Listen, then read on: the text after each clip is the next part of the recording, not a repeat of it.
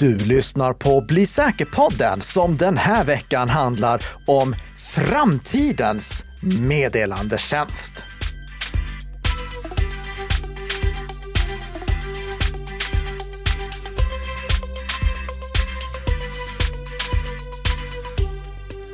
Oh, framtiden. Jag gillar ju science fiction. Mm. Och det här är mycket science, lite fiction. Det här är inte fiktion. Det här är ett nytt protokoll och en ny arkitektur som är standardiserad av IETF och som flera tunga aktörer backar så att vi i framtiden kommer få möjlighet att kommunicera med varandra oavsett vilken plattform vi använder.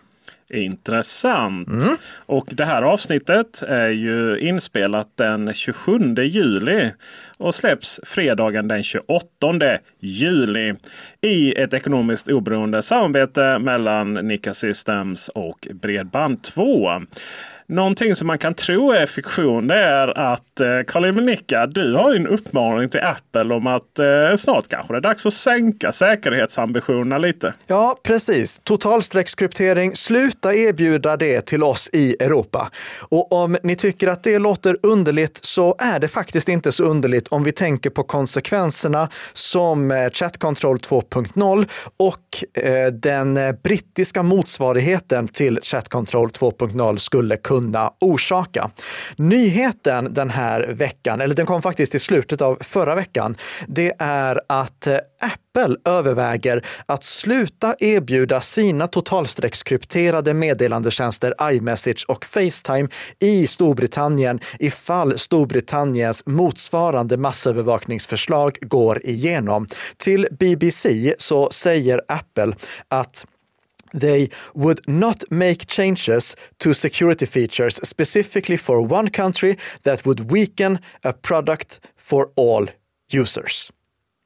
Mycket, mycket bra ställningstagande från Apple där. För det är ju det viktiga. Om vi bygger in bakdörrar i applikationer, då är det någonting som påverkar användare över hela världen och det är det som gör både eh, Storbritanniens massövervakningsförslag och EUs massövervakningsförslag Chat Control 2.0 så otroligt oetiskt. Alltså att vi ens har mage att kräva att säkerheten i de här meddelandetjänsterna ska undermineras för att vi ska kunna övervaka våra egna medborgare utan att ta hänsyn till vilka fruktansvärda konsekvenser som det kommer få för utsatta grupper runt om i hela världen. Det återstår att se om Apple kommer hantera situationen i Europa på samma sätt, eller i EU ska jag säga. Eh, Apple har inte sagt att de kommer sluta erbjuda eh, iMessage och Facetime i eh, EU om eh, eh Chat Control 2.0-förslaget går igenom. Men jag hoppas att deras ställningstagande i eh, Storbritannien indikerar att de skulle agera på samma sätt där. Och nu kanske fler folk börjar bry sig. Du vet, många Apple-användare, tänk ifall ni blir av med era blå bubblor och ni bara får gröna bubblor. Hur skulle det se ut? Ja, det hade ju varit, det hade väl varit, varit så typiskt om att det är det som liksom eh, dänger ner förslaget. Ja, men jag får ändå säga det är mycket, mycket bättre att vi får osäkra meddelandetjänster i Europa än att vi underminerar säkerheten för ja, utsatta grupper i hela världen. Alltså eh, resten av världen ska inte behöva sota för våra dumheter. Så två tummar upp till Apple och nu vill jag bara se att de också säger samma sak till EU. Eh, e och det har ju för övrigt redan Signal gjort såklart. I eh, våras, då twittrade, eller twittrade, vad ska man säga nu? Eller jo, hon twittrade, för på den tiden var det fortfarande Twitter. Då twittrade Meredith Whittaker, som är vd på Signal, så här, citat på engelska. The UK Online Safety Bill is an existential threat to safe and private communications. We are proud to stand with other encrypted apps to make it clear mass surveillance isn't safety. Signal will never compromise the privacy commitments we make to people in the UK and everywhere. Slutcitat. Och för att förstå att det här också verkligen gällde Chat Control 2.0 så ställde jag följdfrågan så här, citat på engelska. Thank you. And by everywhere and never We include the EU and the human rights violating chat control 2.0 proposal as well, right? Slutcitat. Och då svarade Meredith May, citat. Yep, that's what those words mean, haha. Slutcitat. Vilken tur att du informerade henne om att det eh, bröt mot mänskliga rättigheter här. Så att, ja. så att hon inte... Nej, så det, det var ett missförstånd om vilken chattkontroll vi syftade på. Exakt. Nej, men alltså, det, det, är faktiskt någonting som jag har reagerat på. Att det finns de som tror att chattkontroll handlar om ChatGPT.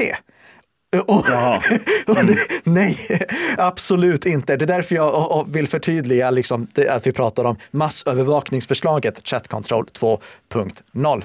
Vi ser också konsekvenserna av vad som händer när eh, vi chattar okrypterat. Du vet, för ett tag sedan, då pratade vi om eh, den här eh, tjejen i Nebraska som valde att göra abort efter att det var tillåtet att göra abort.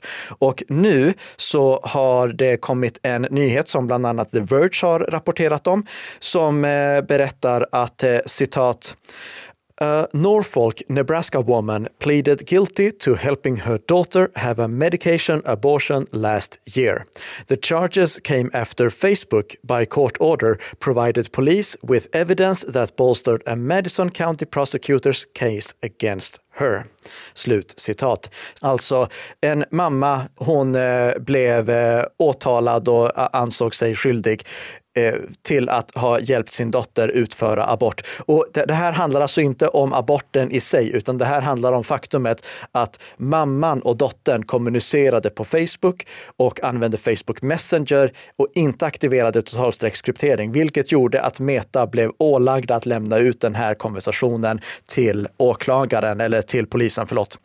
Så det här är en bra påminnelse om att olika sätt som vi har att se på frågor i världen gör att det vi kan tycka är en självklarhet att ska klassas som ett brott och det här ska definitivt vara någonting som lämnas ut. Det är någonting som inte är lika självklart i andra delar av världen. Det här är någonting som vi måste tänka på när vi försöker reglera hur saker ska fungera globalt. Att vår lilla del av världen är inte representativ för resten av världen. Och det är någonting som vi också ska tänka på med en an anledning av en annan nyhet som vi har sett den här veckan, nämligen spridandet av barnövergreppsmaterial på Mastodon. Vi har ju i tidigare avsnitt pratat om hur Mastodon och andra activity-baserade sociala medier kan vara lösningen för att vi ska ha en säker, stabil möjlighet att kommunicera oavsett vad storföretag bestämmer att ska vara tillåtet eller otillåtet och utan att ett storföretag ska kunna begränsa till exempel myndigheter myndigheters eller eh, politikers möjlighet att nå ut med sina budskap. Och den här veckan då har flera medier rapporterat om en eh, ny rapport från Stanford som handlar om hur barnövergreppsmaterial sprids på sociala medier i form, äh, förlåt, eh, och sprids på Mastodon specifikt, inte bara sociala medier utan sprids på Mastodon specifikt. Det är ju ett problem eftersom Mastodon har upplägget där det är den som eh, driver instansen, den som driver servern, som också modererar innehållet där. Och de här artiklarna som har skrivits om just den här rapporten har antytt att det skulle vara ett överhängande problem som underlättar för spridning av barnövergreppsmaterial. Jag läste den här rapporten för att se vad är det det egentligen handlar om. Och det som de har upptäckt på Stanford, det är att det sprids väldigt mycket computer generated barnövergreppsmaterial eller CGCSAM, alltså AI-material. Material som någon Eh, barnövergreppsmaterial som är genererat med hjälp av sådana här generativa AI-tjänster. Och det är olagligt i Sverige. Det vet vi faktiskt för att tidigare i juli, då eh, fick vi faktiskt en dom från Skaraborgs tingsrätt där en man åtalades för försök till barnpornografibrott för att han hade försökt att generera barnövergreppsmaterial. Men medan det är olagligt i Sverige så är det inte det över hela världen till exempel inte i Japan. Kollar vi i den här Stanford-rapporten, då står det så här, citat på engelska. This content där this content syftar på computer generated CSAM, eh, alltså eh, datorgenererat barnövergreppsmaterial, is highly prevalent on the Fediverse, primarily on servers within Japanese jurisdiction. While CSAM is illegal in Japan, its laws exclude computer generated content as well as manga and anime. Sen hoppar jag lite här. Det står också så här i den här rapporten. Japan has significantly more lax laws related to CSAM, which has resulted in a cultural divide where most users in Japan are segregated from the rest of the Fediverse. Slutcitat. Och nu skulle jag vilja förtydliga vad det här egentligen betyder. Det här betyder att i Japan, där det här materialet av någon anledning är lagligt, där sprids det materialet via sådana här mastodoninstanser. Men de instanserna är i stor utsträckning defedererade från de instanser som vi använder här i västvärlden för att kommunicera med varandra. Det här är alltså inte ett problem som ligger i själva ActivityPub eller Mastodon-lösningen. Det här är ett problem som är relaterat till den kulturella skillnaden mellan hur vi i västvärlden ser på datorgenererat barnövergreppsmaterial och hur de i Japan ser på datorgenererat barnövergreppsmaterial. Och Mastodon har löst det. Alltså, det är ju det som är poängen med att det går att defederera instanser eller servrar så att vi här i västvärlden slipper de instanserna i Japan där det här materialet sprids. Det löser självfallet inte hela problemet och den här rapporten tar upp några andra väldigt viktiga saker som jag tycker att det är värda att poängtera. Till exempel, vi borde definitivt i det här systemet ha en rapportfunktion som låter användare rapportera barnövergreppsmaterial till barnrättsorganisationer. Och vi bör definitivt också i till exempel Mastodon, eh, alltså själva mjukvaran Mastodon, bygga in blurfunktioner som blurrar det material som rapporteras som är uppenbart barnövergreppsmaterial. För eh, jag har funderat på att driva en egen Mastodon-instans, eh, men har kommit fram till att jag vill nog ändå inte ha det administrativa ansvaret som det är förknippat med. Alltså för den som driver Mastodon-instansen ansvarar ju då också för att faktiskt moderera det innehållet som kopplas dit. Och jag tycker väldigt synd om de moderatorer som måste sitta och plocka bort det här materialet som då upptäcks på deras Mastodon-instanser. Och vi behöver funktioner för att detektera Sesam-material automatiskt. Och nu kanske ni tänker att vänta här nu, förespråkade du precis att vi skulle bygga in funktioner som automatiskt skannar och rapporterar material som kan vara övergreppsmaterial? Ja! Ja! Och det är det jag har gjort hela tiden. Och nu tänker ni, va? nej, nu får vi backa tillbaka och lyssna vad du sa om Chat Control 2.0. Det är två helt olika saker. Vi ska givetvis moderera våra publika sociala medier. Det är en väldigt stor skillnad på publika sociala medier där vi inte förväntar oss att vi ska kunna kommunicera säkert med varandra och de tjänster där vi vill ha säkerheten att kunna kommunicera totalstreckskrypterat via säkra meddelanden. Och det är ju till och med så att Mastodon, det är inte något ställe där pedofiler hänger, för allting är ju öppet. Det pratade vi om för typ vad var det, två avsnitt sedan, när vi pratade om att den som driver Mastodon-instansen kan se allting som skickas där, inklusive meddelanden. Det är inte där som pedofilerna hänger, utan pedofilerna, de hänger ju i de här slutna kretsarna där det inte finns någon övervakning, så som vi skulle kunna implementera på till exempel Mastodon för att hjälpa de administratörer som annars måste ta hand om allt det här manuellt. Så det finns flera bra punkter i den här rapporten, men rapporten är inte, så som vissa rubriker har antytt, ett bevis på att det skulle vara något genomgripande problem med ActivityPub eller Mastodon. Att säga att det här problemet med att det sprids barnövergreppsmaterial som är genererat av datorer på instanser i Eh, Japan, att dra slutsatsen att det skulle vara ett problem med Mastodon i sig, det är som att säga att det är fel på e-post för att e-postmeddelanden med datorgenererat barnövergreppsmaterial sprids mellan e-postmottagare i Japan. det, var en lång rant här. Det. det. kan man ju säga. Det finns ju mycket fel på e-post. Eh, men eh, vi behöver inte förhålla oss till det. Det är ju också så att när vi, eh, om Karl Minika skulle välja att sätta upp en server som jag antar att du redan har gjort och lekt lite med. Då är det ju så att du får ju en lång, lång lista av allsköns skitinstanser som du bara trycker nej, jag vill inte, min instans kallar vi det va? Vill mm. inte ha någonting att göra med de här instanserna. Ja. Eh, faktum är, jag har redan satt upp en Mastodon-instans, men det finns bara en användare på den ja. och det är jag. Får jag, får, jag, får jag hänga på eller ska jag gå till eh, mastodon.social istället? Jag skulle rekommendera dig att gå till mastodon.social för jag har inte slagit på registrering på just den eh, servern så det går inte att registrera sig på den. Om jag köper en men, kaka till det då? Kan kanske göra ett undantag. Kan mm. kanske göra ett undantag. Vet du vad, jag tycker att eh, nu har vi pratat om eh, dystopi här. Nu mm. tycker jag att eh, vi ska prata om något betydligt roligare i form av en framtid där vi alla kan prata med varandra ja. krypterat. Just det, krypterat, totalstreckskrypterat. Nu ska vi prata om framtidens meddelandetjänster och det här det, alltså det här är så förbannat bra. att, Language?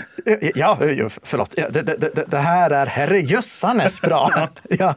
Ehm, jag var väldigt orolig när vi såg EUs Digital Market Act som började kräva att eh, olika meddelandetjänster ska kunna skicka meddelande till varandra. För jag kände att oh, det här kommer inte gå. För att det, problemet som då uppstår, det är att en meddelandetjänst ska bygga ett översättningslager för att kunna kommunicera med en annan meddelandetjänst. Och ofta måste de då gå ner till någon typ av minimum viable, eh, jag höll på att säga minimum viable product, minsta gemensamma nämnare, eh, där kanske totalstreckskrypteringen försvinner för att de har olika sätt att hantera totalstreckskryptering, där eh, vi alltså får mindre säkra lösningar för att EU kräver att de ska kunna kommunicera med varandra.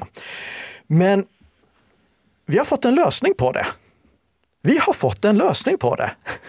Och det här är verkligen glädjande. Vi har nu i juli fått RFC 9420 eller MLS, Message Layer Security som det också kallas. En eh, protokollstandard och arkitekturstandard framtagen av IETF, alltså samma standardiseringsorgan som också tog fram till exempel TLS. TLS är ju den lösningen som gör att vi kan upprätta säkra anslutningar till alla webbplatser på hela internet oavsett vad webbplatsen kör för webbserver och oavsett vilken webbläsare vi använder. Åtminstone så länge som vi håller dem uppdaterade. Jag kan tänka mig att om någon skulle sitta på Windows XP nu eh, så kan den personen inte ens ansluta till nikasystems.com för att eh, nikasystems.com har högre säkerhetskrav. Alltså vi har kommit längre fram i vad vi tillåter, vad vi kräver för att någon ska få ansluta dit.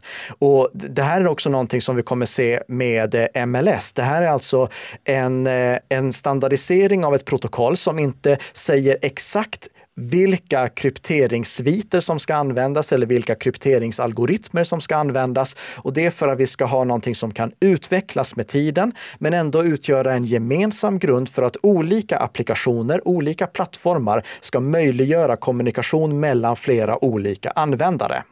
Det här är en lösning som inte specificerar hur en applikation ska fungera. Utan det här är en lösning som specificerar hur den ska kommunicera för att olika applikationer ska kunna kommunicera med varandra. Och det här är tänkt att utvecklas över tid.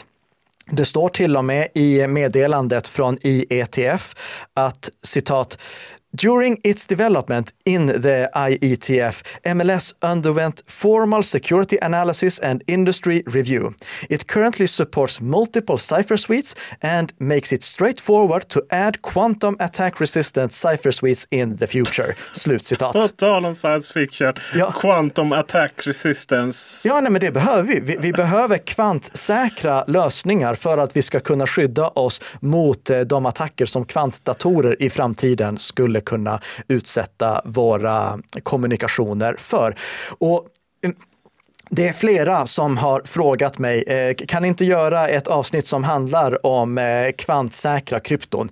Nej, Alltså bokstavligen, det kan vi inte.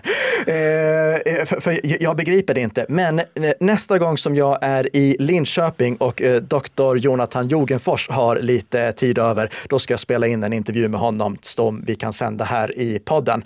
Eh, för eh, han har koll på det här. Eh, han var till och med så snäll att han skickade mig sin doktorsavhandling när han doktorerade. Kunde du läsa den? Nej, det, det var det jag kände att ja, det, det här var jättesnällt av dig, men hur i hela friden ska jag Ja, förstå det tuff här? den alltså. Ja, men oavsett vad, det här är alltså en standard eh, eller en protokollstandard som är möjlig att utveckla över tid, förbättra över tid i takt med att förutsättningarna förändras, men ändå utgör den gemensamma grunden som gör att vi kommer ha meddelande appar som kan kommunicera med varandra. Och det här är egentligen inte bara meddelande appar. Det här är någonting som skulle kunna ersätta även mejl, vilket jag väldigt ofta har poängterat. Sluta mejla. Det här är någonting som skulle kunna underlätta för det. Eller i de samarbetssviter som vi ser idag, du vet Teams, Slack och liknande. Det är också någonting som skulle kunna användas där. Och den här, det här protokollet, MLS, det har de verkligen sett till att göra rätt. Eh, det- Det, är imponerande bra och för att ni ska förstå hur imponerande bra det är så backar vi tillbaka och kollar på vilka alternativ vi har haft tidigare. Om vi backar tillbaka så långt som är relevant att gå, då har vi ju PGP, alltså lösningen som vi har för att skicka säkra mejl till varandra. Och PGP är ju jättedåligt. B- Både ur ett säkerhetsperspektiv och ur ett användarvänlighetsperspektiv. Men det är den bästa lösningen vi har för att säkra mejl. Det var väl där de, om man fick tag på nyckeln där så kan du, kan du ja, låsa upp allting. Exakt, vi, vi kommer faktiskt till det. För PGP, det löser vissa problem i säker kommunikation, men inte alla. Det löser problemet med konfidentialitet. Alltså om jag och Peter Esse mejlar till varandra med PGP via Proton-mail till exempel, då kan ingen läsa mejlet som skickas fram och tillbaka, förutom avsändare, mottagare och ämnesrad. Men inte ens Proton kan läsa vad som står i mejlet. Och PGP garanterar också äktheten, alltså att om jag skickar ett mejl till Peter, då kan Peter verifiera att det mejlet faktiskt kom från mig och inte från någonting annat. Det fungerar mellan olika tjänster, men det fungerar dåligt i grupper. PGP är inte byggt för att man ska kunna skicka mejl till tusen stycken i samma grupp. För då, då blir det väldigt mycket kryptering fram och tillbaka. Det funkar, men det funkar dåligt när grupper blir stora. Sen hade vi ett gäng egenpåhittade lösningar som ingen egentligen bör använda. Jag tänker till exempel på MT Proto som används i Telegram, som bara är dåligt. Eh, eh det, eh, MT Proto, om du vill kunna kommunicera totalstreckskrypterat, eh, för Telegram är ju inte totalstreckskrypterat som standard. Vill du kunna kommunicera totalstreckskrypterat, då måste du och personen du pratar med vara online samtidigt, vilket tar bort en väldigt stor poäng med meddelandetjänster. Eh, det fungerar inte i grupper, så du kan inte ha totalstreckskrypterade grupper.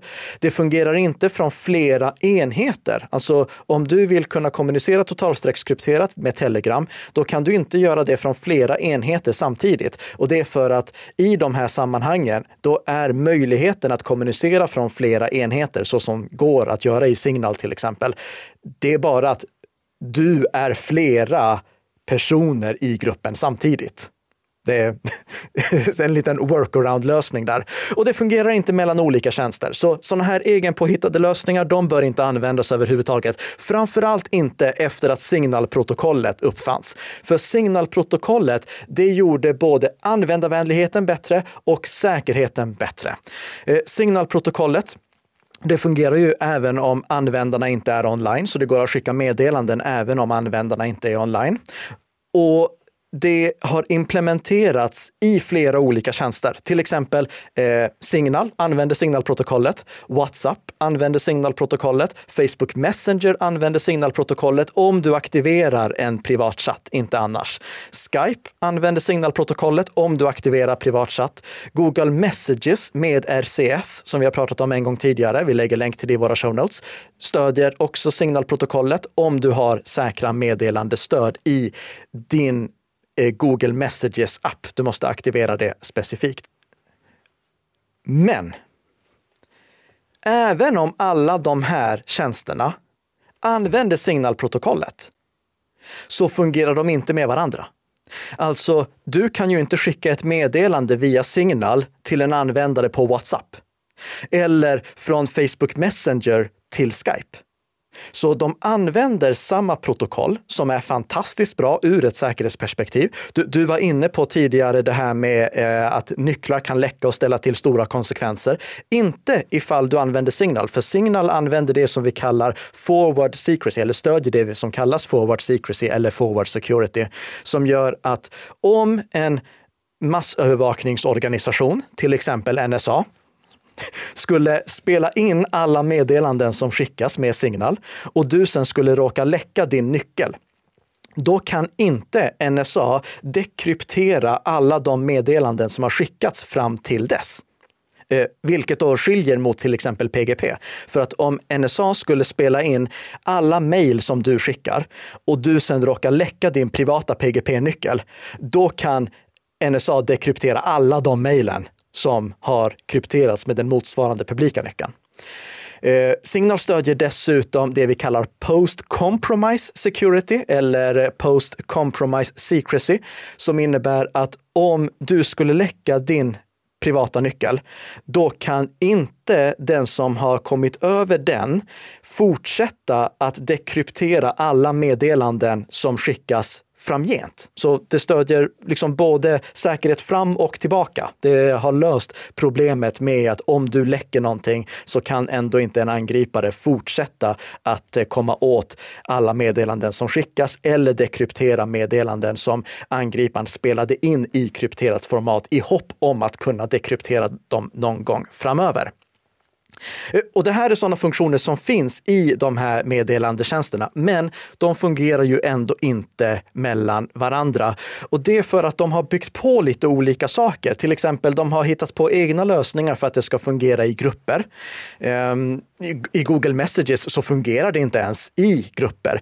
Eh, och i Facebook Messenger, då kan du inte använda funktionen på desktop. För som jag sa, eh, egentligen så är grupper bara att du är flera deltagare i samma grupp.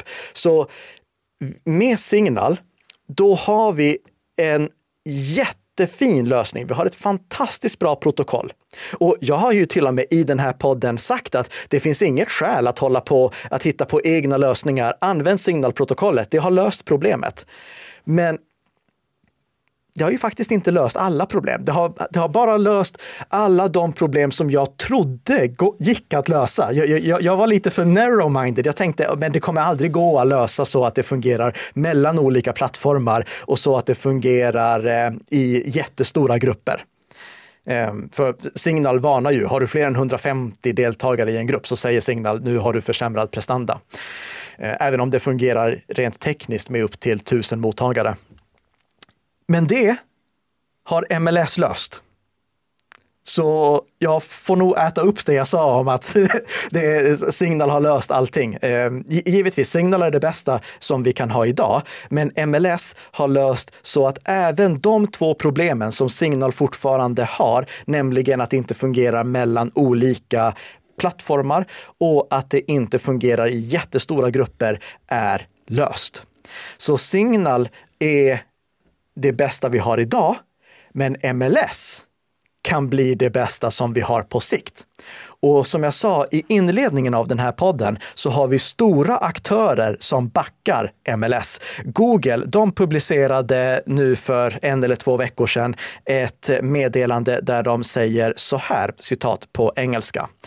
Most modern consumer messaging platforms, including Google Messages, support end to end encryption, but users today are limited to communicating with contacts who use the same platform. This is why Google is strongly supportive of regulation efforts that require interoperability for large end to end messaging platforms. Slutcitat. Och det där är ju en direkt peak. Finger rakt upp i Cupertino. ja, precis. Det är, exakt. Det är, och, och, sen så skriver de också så här, citat på engelska.